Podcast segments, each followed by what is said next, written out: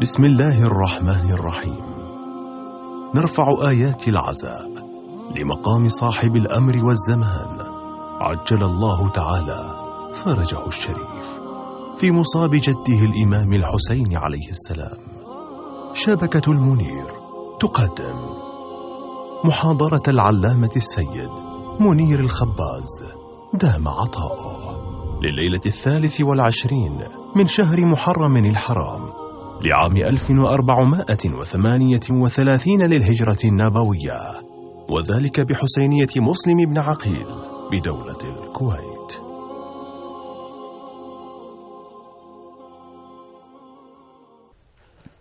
صلى الله وسلم عليك يا رسول الله وعلى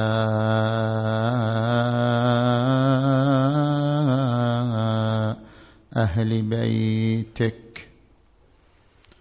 المنتجبين يا ليتنا كنا معكم. فنفوز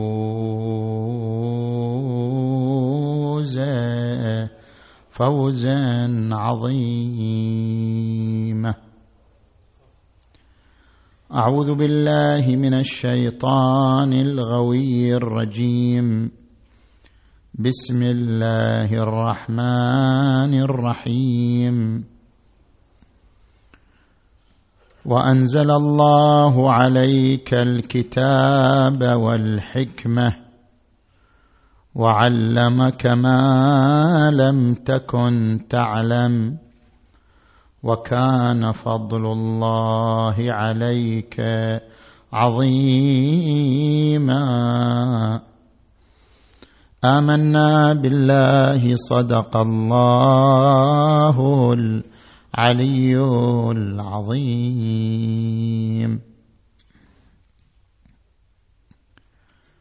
الآية المباركة تتحدث عما وهبه الله لنبيه صلى الله عليه وآله.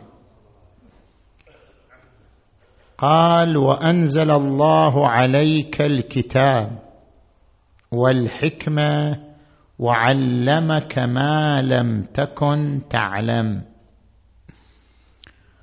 هنا تساءل المفسرون ما هو العلم الذي تميز على الكتاب والحكمة؟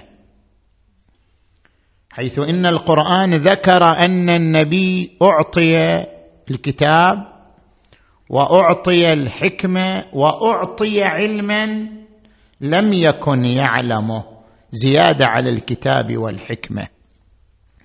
فما هو هذه فما هو هذا النوع الثالث الذي عبر عنه القرآن بأنه علمه ما لم يعلم؟ هنا تفسيران التفسير الأول أن المقصود بهذا العلم هو علم الغيب. أطلعه على علم الغيب كما أطلعه على الكتاب كما أعطاه الحكمة أطلعه على علم الغيب. كما في قوله عز وجل عالم الغيب فلا يظهر على غيبه أحدا إلا من ارتضى من رسول. فإنه يسلك من بين يديه ومن خلفه رصدا التفسير الآخر أن المراد بهذا النوع من العلم وعلمك ما لم تكن تعلم هو العصمة. فإن العصمة مبدأها نوع من العلم. وهذا النوع من العلم أنت تتميز به عن بقية البشر. وعلمك ما لم تكن تعلم يعني العلم الذي هو مبدأ العصمة. من هنا نتحدث عن خصائص العصمة. العصمة يعرفها علماء الكلام بأنها اللطف الخفي. لكن ما معنى اللطف الخفي؟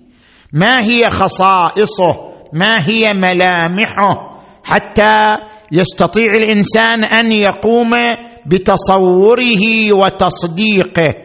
ما هو هذا اللطف الخفي؟ أذكر لك عدة خصائص للعصمه للطف الخفي.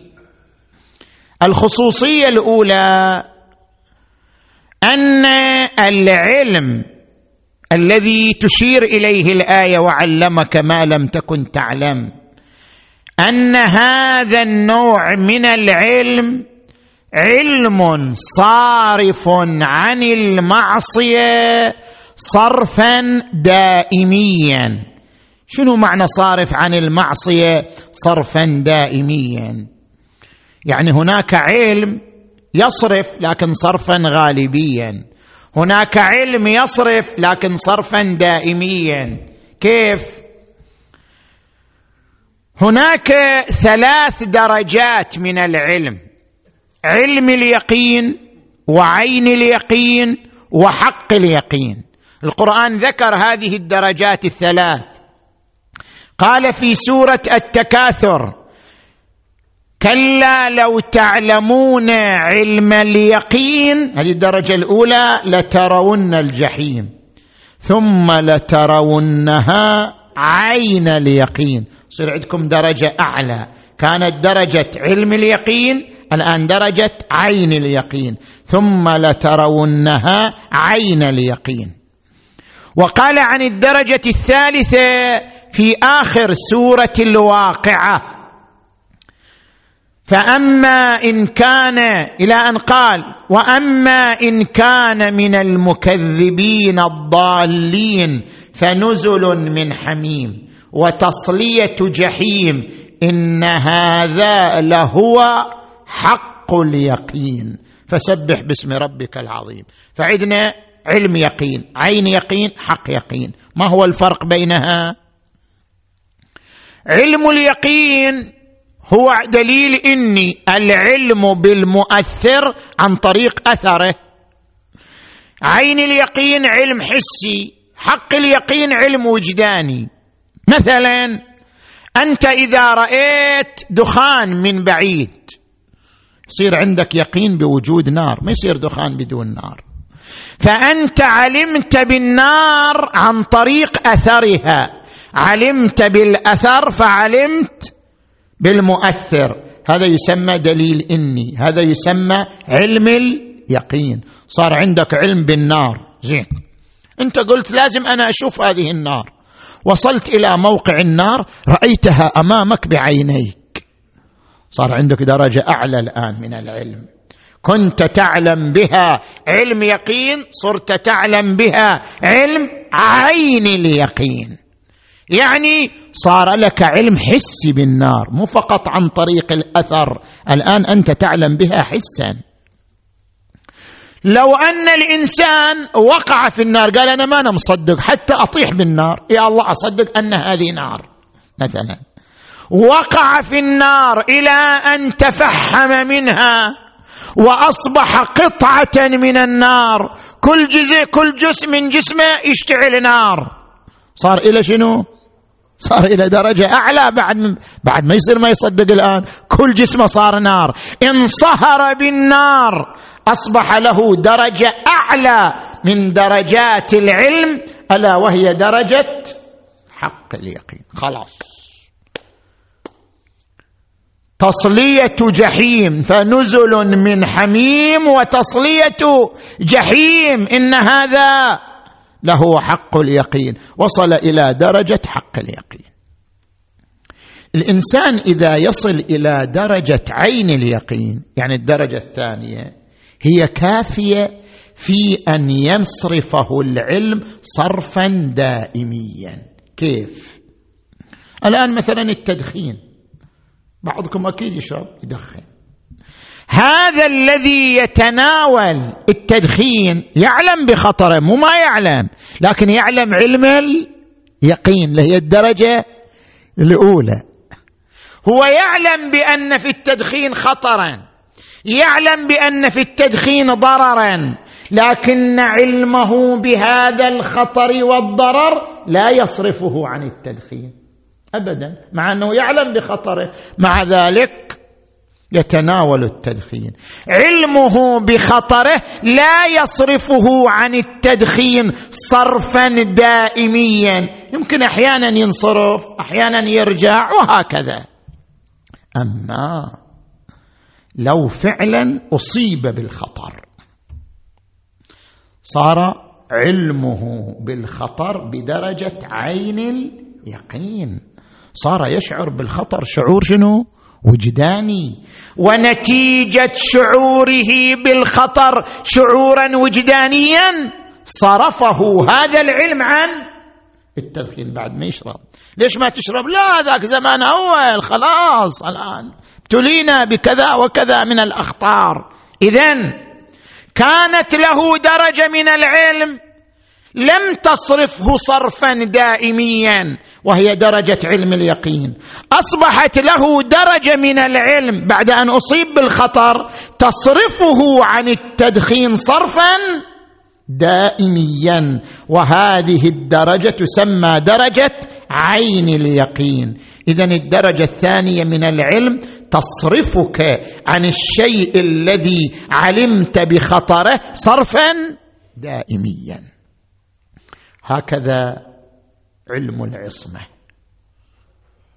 شنو الفرق بين علمي أنا بخطر المعصية وعلم المعصوم؟ نفس الشيء. أنا أعلم بخطر المعصية. أعلم بأن في الكذب في الغيبة في عقوق الوالدين في قطيعة الرحم أعلم بأن فيها خطر أخروي كبير. لكن علمي بدرجة علم اليقين.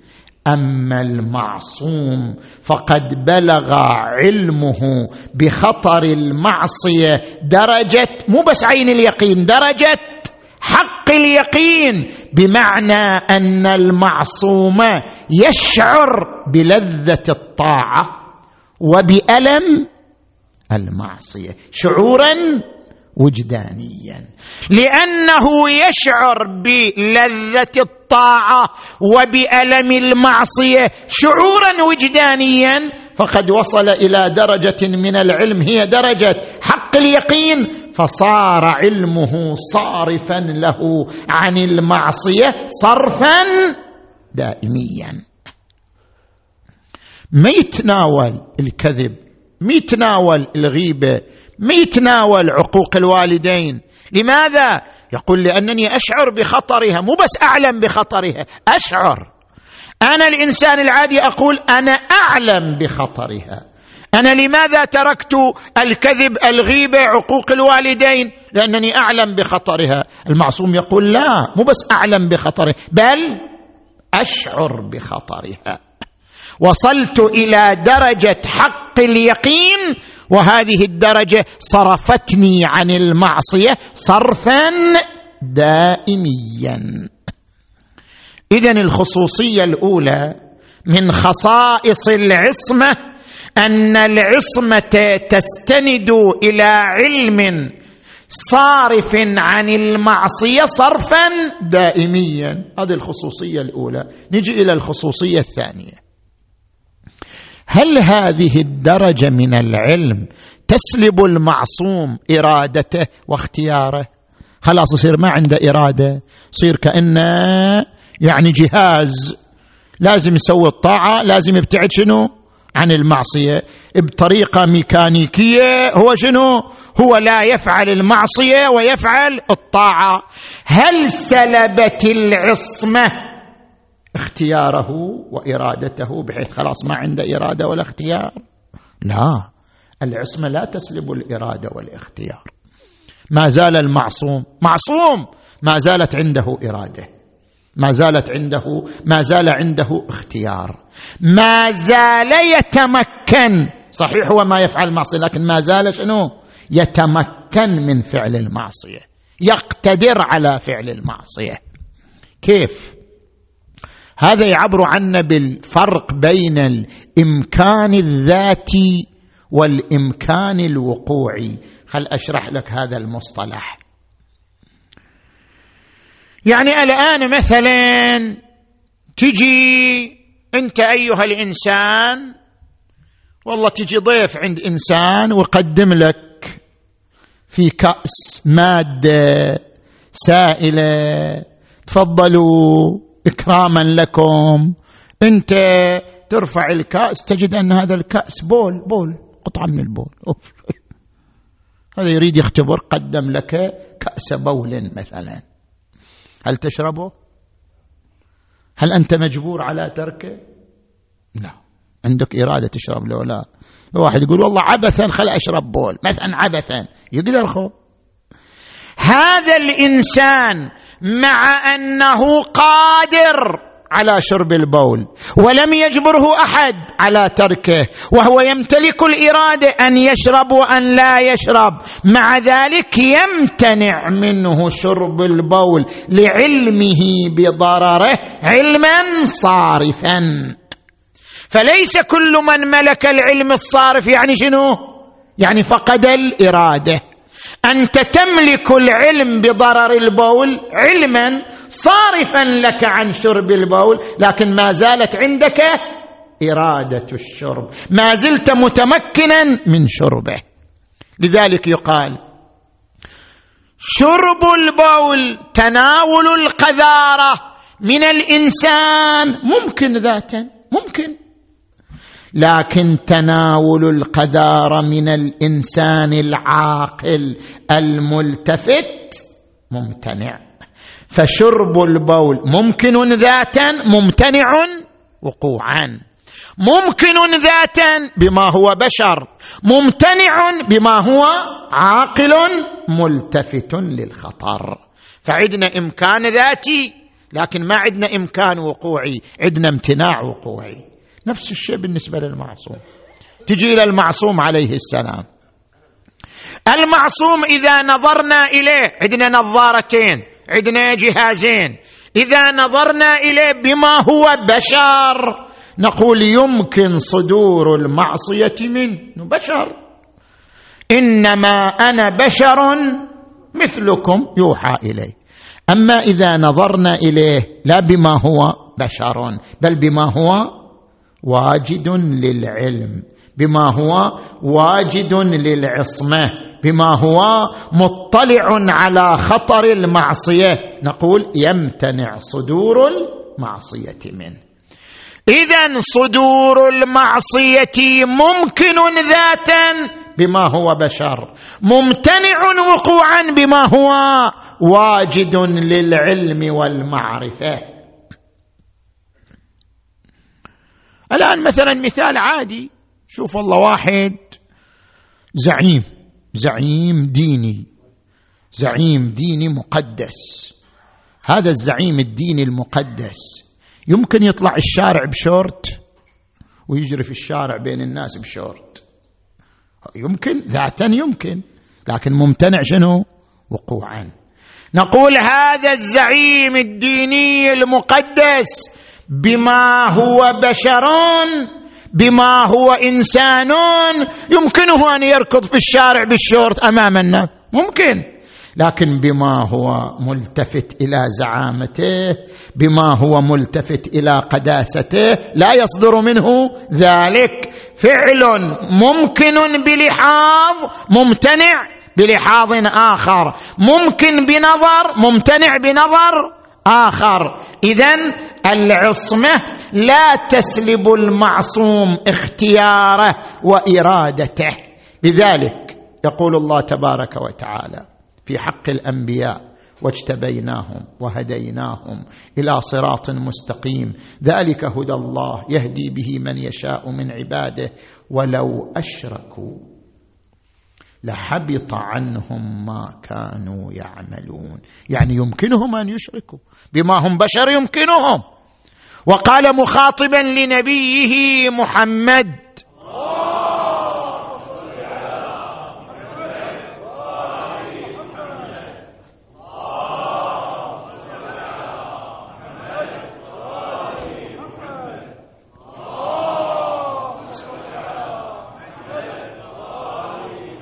لئن أشركته ليحبطن عملك. وقال ولو تقول علينا بعض الأقاويل لأخذنا منه باليمين ثم لقطعنا منه قوتين زين. نجي إلى الخصوصية الثالثة من خصائص العصمة. نحن صورنا العصمة بحيث يمتنع الإنسان المعصوم عن المعصية. لكن هل يمكن للإنسان أن يكون معصوم حتى من الخطأ؟ شيء ممكن هذا أو غير ممكن. بشر هو بشر لكن ما يخطئ ولا ينسى ممكن أو غير ممكن. هل يمكن للإنسان أن يصل إلى درجة أن لا يخطئ ولا ينسى؟ هذا أمر ممكن أم لا؟ أمر ممكن. شلون؟ أنا الآن أشرح لك من خلال علم النفس. أشرح لك هذه المعلومة. شوف الإنسان يمتلك قوتين عقل وذاكرة. ذاكرة مخزن يخزن فيه المعلومات. والعقل هو الواعي اللي يقوم بالمعلومات ويدخلها إلى الذاكرة. ذاكره تستقبل والعقل هو المرسل. زين؟ أنت عندك قوتين عقل وذاكرة. هل يمكن اسأل نفسك هل يمكن أن يسيطر عقلك على ذاكرتك بحيث لا تخطئ ذاكرتك ولا تنسى أو ما يمكن. نعم يمكن. مثال ذلك. الآن أنت عندك امتحان في الجامعة. عندك امتحان في مادة من المواد. عندك مثلا مادة هندسة كهربائية. عندك امتحان في هذه المادة. أنت قبل الامتحان بأسبوع تجلس تعكف على تعكف على الكتاب. تعكف خلاص. تلخص تنقط المعلومات تبوبها تقوم تتذكرها بين فترة وأخرى. إلى أن تعبئ ذاكرتك بمعلومات هذه المادة المعينة. زين؟ تجي إلى الامتحان تدخل قاعة الامتحان. أمامك ثلاث ساعات تجيب عن الأسئلة. هل تستطيع خلال ثلاث ساعات تسيطر بعقلك على ذاكرتك؟ بحيث لا تخطئ ولا تنسى. ثلاث ساعات انت دائما الذاكرة شنو؟ حاضرة. أي معلومة؟ حاضرة. لا أخطئ فيها ولا أنسى. ممكن أم لا؟ ممكن. كثير من الأذكياء يستطيعون ذلك. ويجيب لك مئة بالمئة. ثلاث ساعات يسيطر على ذاكرته. يجعل عقله مسيطرا على ذاكرته بحيث لا يخطئ ولا ينسى. إحنا نسميه دافور. ما أدري يسمونه واحد دافور. هذا الدافور. هذا الدافور يعني من يسيطر عقله على ذاكرته بحيث لا تشد عن هذه الذاكرة معلومة ابدا. خلال ثلاث ساعات الذاكره حاضرة حاضرة حاضرة. لا يخطئ ولا ينسى. ممكن. أكو بعض الناس لا تجي فواصل. تفصل بين العقل وبين الذاكرة. والله هذا يحب الموسيقى. يتذكر نوع من الموسيقى. يقوم ها غابت المعلومة لأنه راح مع الموسيقى. آه، كم ثانية. أو مثلا إنسان أصابته حوادث الحادثة تجي على ذهنه فيشرد فيغيب عن الذاكرة شيئا ما. لكن هناك أناس من فرط ذكائهم يسيطر عقلهم على ذاكرتهم بحيث لا يفصل بينهما فاصل فلا يخطئ ولا ينسى. طيب هذا إذا ممكن في الإنسان العادي صح لو لا؟ إذا يمكن في الإنسان العادي ثلاث ساعات يقدر. يقدر يخلي نفسه لا يخطئ ولا ينسى. إذا أمكن في ثلاث ساعات أمكن في عشر ساعات. وإذا ممكن الشيء خلاص ما يفرق وقت قصير أو طويل. يمكن في عشر ساعات إذا يمكنه خلال أربع وعشرين ساعة أن يسيطر عقله على ذاكرته فلا يخطئ ولا ينسى أمر ممكن. أشرح لك أكثر. علميا أنت في كل ثانية كم معلومة تمر عليك؟ في كل ثانية كم معلومة تمر عليك؟ طبعا إذا أنت واعي مو إذا أنت نايم أو تعبان. إذا أنت واعي كم معلومة تمر عليك في الثانية الواحدة؟ أربعمائة مليار معلومة. من وين تدخل هالمعلومات؟ عندك حواس خمس صح؟ هذه العين عينك أنا الآن بعيني. أنت معلومة وأنت معلومة وأنت معلومة. بعيني نفسها. أنا بعيني عدة معلومات. هذا غير رؤية المكان غير رؤية الجهاز غير وهكذا. كل حاسة من الحواس الخمس آلاف من المعلومات تستقبل. كما لديك حواس خمس لديك قوة باطنية عقل وذاكرة ووهم وحس مشترك وحدس عندك خمس قوى في الداخل خمس قوى في الخارج. نتيجة هذه القوى الداخلية والخارجية تمر عليك في كل ثانية أربعمائة مليار معلومة. لكن الإنسان المتوسط ما يقدر يأخذ من هالأربعمائة مليار إلا ألفين معلومة. ما يقدر في الثانية الواحدة يقدر ياخذ أكثر من ألفين معلومة لإنسان المتوسط. أما لو فرضنا أن هذا الإنسان يمتلك شنو؟ عبقرية. يمتلك درجة من العبقرية والذكاء. يستطيع أن يلتقط ذهنه في كل آن وفي كل ثانية عشرات الآلاف من المعلومات. في كل ثانية. ما سيطر عقله على ذاكرته وكان عبقريا استطاع بسيطرة عقله. المفرط في الذكاء على ذاكرته أن يستقبل في كل آن في كل ثانية عشرات الآلاف من المعلومات. ونتيجة هذه القدرة الفريدة على استقبال المعلومات لا يخطئ ولا ينسى. فإذا المسألة ممكن إحنا ليش نستبعدها عن المعصوم؟ هذا المعصوم محمد وآل محمد. محمد أعطوا درجة من العقل الوسيع من الذكاء من العبقرية من شدة الذهن وحدته. ما يستطيع من خلاله أن يسيطر عقله على ذاكرته وتكون معلوماته. بيده فيسترفد في الثانية عشرات الآلاف من المعلومات التي من خلالها لا يخطئ ولا ينسى. سنقرئك فلا تنسى. شوف انت القرآن عندما يتحدث عن الأنبياء يقول واذكر عبادنا إبراهيم وإسحاق ويعقوب أولي الأيدي والأبصار. إيش معنى أولي الأيدي والأبصار؟ يعني عندهم أيدي وعندهم أبصار؟ كل الناس عندهم عندهم أيدي وعندهم أبصار. إيش معنى أولي الأيدي والأبصار؟ اليد كناية عن الجود والعطاء. البصر كناية عن البصيرة ونفوذ البصيرة. أولي الأيدي والأبصار. يعني أصحاب بذل وعطاء وأصحاب بصيرة. واذكر عبادنا إبراهيم وإسحاق ويعقوب أولي الأيدي والأبصار. إنا أخلصناهم بخالصة. شنو هذه الخالصة؟ إنا أخلصناهم بخالصة ذكر الدار ذاكرة.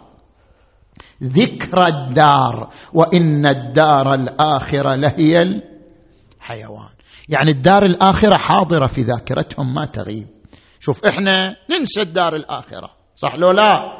لكن هؤلاء الأنبياء تعيش الدار الآخرة في ذاكرتهم على طول. لا تمر عليهم لحظة إلا وفي ذاكرتهم الدار الآخرة.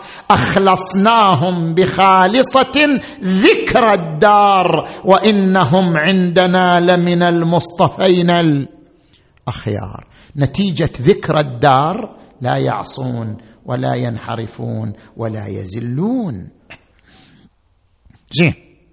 هذه الخصوصية الثالثة التي شرحناها. الخصوصية الرابعة.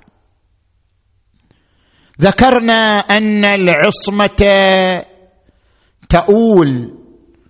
العصمة هي طهارة هي نزاهة قلبية ناشئة عن العلم. وهذا العلم خصوصيته الأولى أنه يصرف عن المعصية صرفا دائميا. وخصوصيته الثانية أنه لا يسلب الإرادة والاختيار. وخصوصيته الثالثة أنه يتسع بحد يمنع حتى الخطأ والنسيان. نجي إلى الخصوصية الرابعة. هل أن المعصوم له فضل علينا؟ قد واحد يقول ما له فضل علينا إذا هو معصوم بعد هو اوتوماتيكيا يطيع الله. اوتوماتيكيا يترك المعصية بينما إحنا. نحارب أنفسنا. نحارب شهواتنا. نحارب غرائزنا. ونصل إلى الطاعة عبر مهارة عبر جدارة عبر انتصار لإرادتنا على شهواتنا. كما ورد عن النبي محمد. محمد.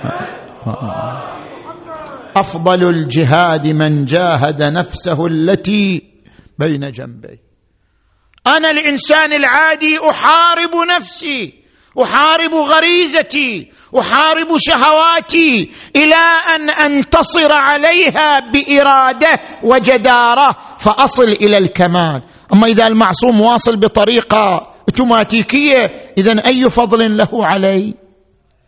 قد واحد يسأل هذا السؤال. الجواب. اولا ذكرنا في بيان الخصوصية الثانية أن العصمة لا تسلب الإرادة. باقيه إرادته. يعني يتمكن من المعصية. المعصوم يتمكن من المعصية. لئن أشركت ليحبطن عملك. بما أنه متمكن من المعصية إذن فعله للطاعة بعده عن المعصية ناشئ عن حكومة إرادته وحكومة عقله. كما ورد عن أمير المؤمنين علي عليه السلام والله لو أعطيت الأقاليم السبعة إغراءات قالوا أنت ملكك السماوات والأرض لو أعطيت الأقاليم السبع بما تحت أفلاكها على أن أعصي الله في نمله. أسلبها جلب شعيرة ما فعلت. هذا اولا. ثانيا شوف هذه النقطة خليها بذهنك. ما يعيشه المعصوم من محفزات نحو المعصية أكثر مما يعيشه الإنسان العادي. يعني أنت شقد تقاوم؟ هو يقاوم أكثر. كيف يعني؟ على بين لك الآن.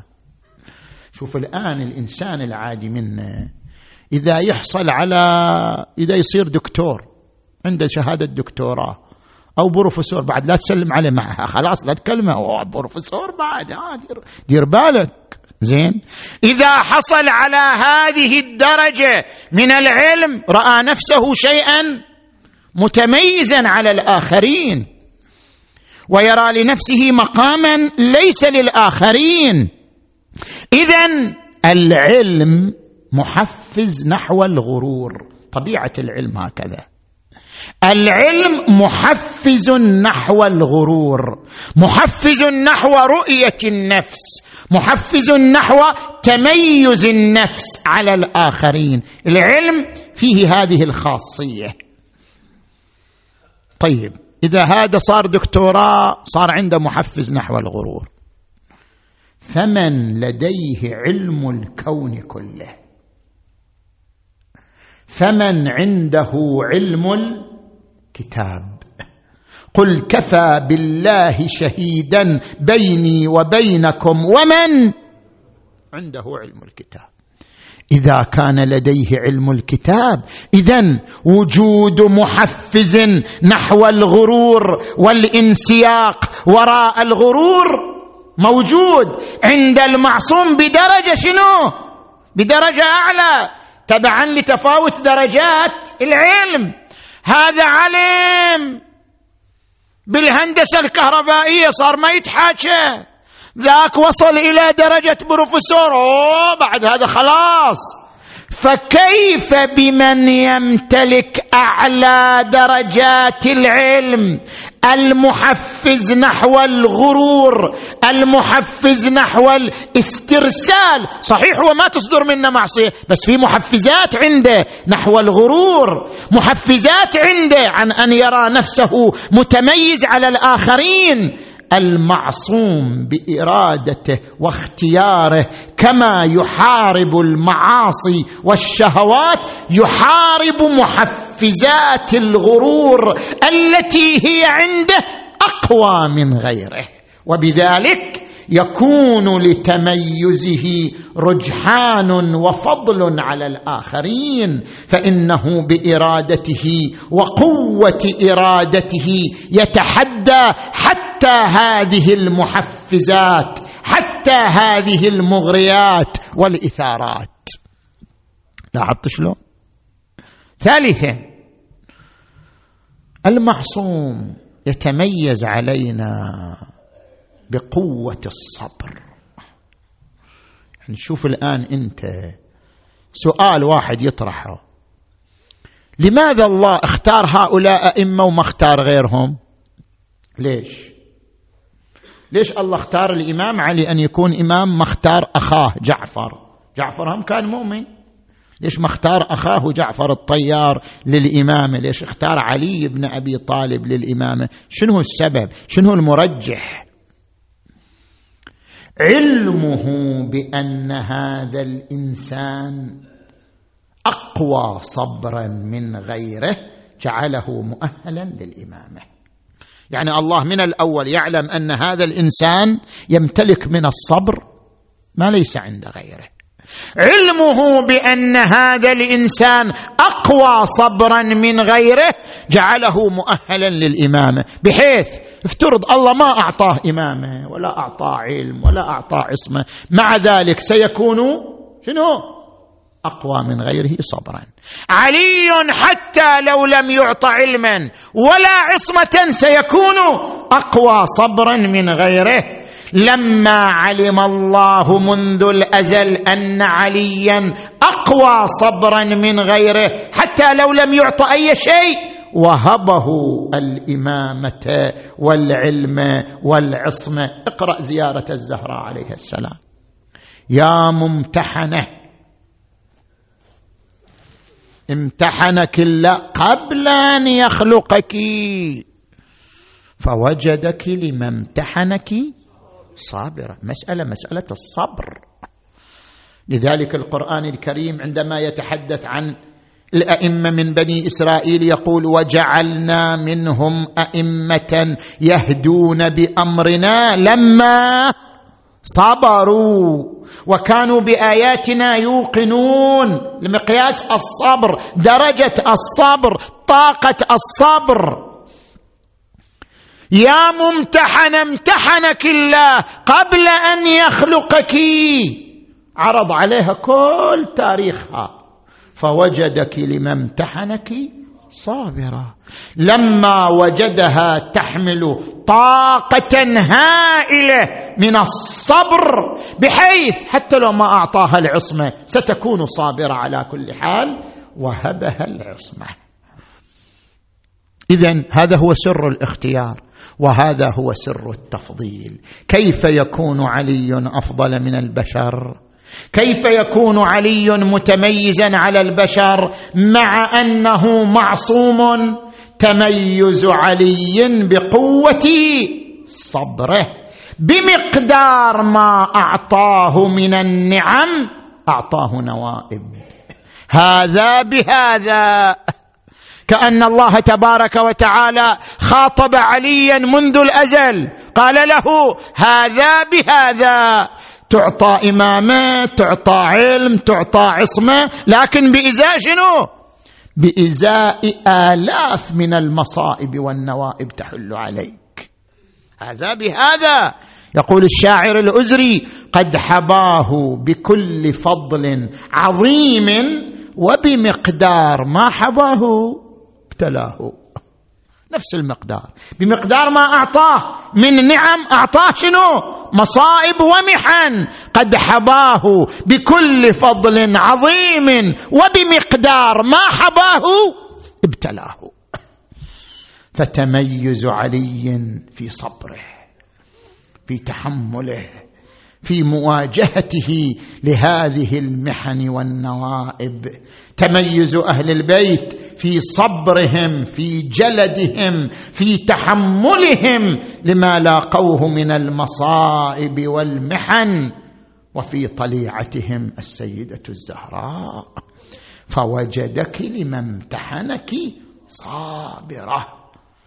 هذه المرأة العظيمة خرجت بدمائها خرجت بجراحها خرجت بآلامها تدافع عن إمام زمانها تدافع عن منصب الإمامة تدافع عن هذا المنصب العظيم أنا زحزحوها عن رواس الرسالة وقواعد النبوة والدلالة ومهبط الروح الأمين والطبن بأمور الدنيا والدين. ألا ذلك هو الخسران المبين؟ كل ذلك بذلته في سبيل الدفاع عن منصب الإمامة. يقول الشاعر قد ورثت زينب من أمها. الصورة تتكرر. المصائب تتكرر. قد ورثت زينب من أمها كل الذي جرى عليها. كل الذي جرى عليها. وصار وزادت البنت على أمها. من دارها تهدى. أخذوها سبية من دار إلى دار. من دارها تهدى إلى شر دار. تدعو بحاد العيس. دعني دعني على جسومهم. أقيم لوث الإزار أو خلني عند ابن أمي. ولو تأكل من جسمي وحوش القفار. إيه. سئل الإمام زين العابدين ما هي أعظم مصيبة على قلبك؟ ما هي أعظم محنة مرت عليك ها؟ منذ أن قتل أبوك الحسين إلى أن رجعتم إلى المدينة حدد لنا. قال أعظم مصيبة دخول عمتي زين.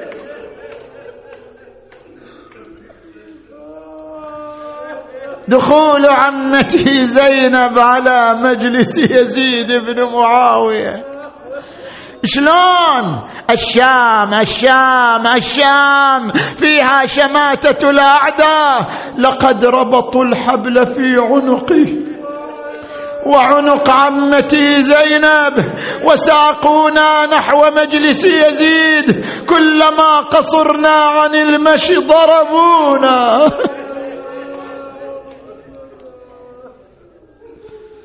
ساعد الله قلبها. عندما كشف يزيد عن رأس أخيها نظرت إليه. وخده مورم من الضرب بالسوط وعينيه غائرتين. خويا خويا حسين راسك حين شفته. شفتة تلعب عصا يزيد على شفتة. إي والله تلعب عصا يزيد.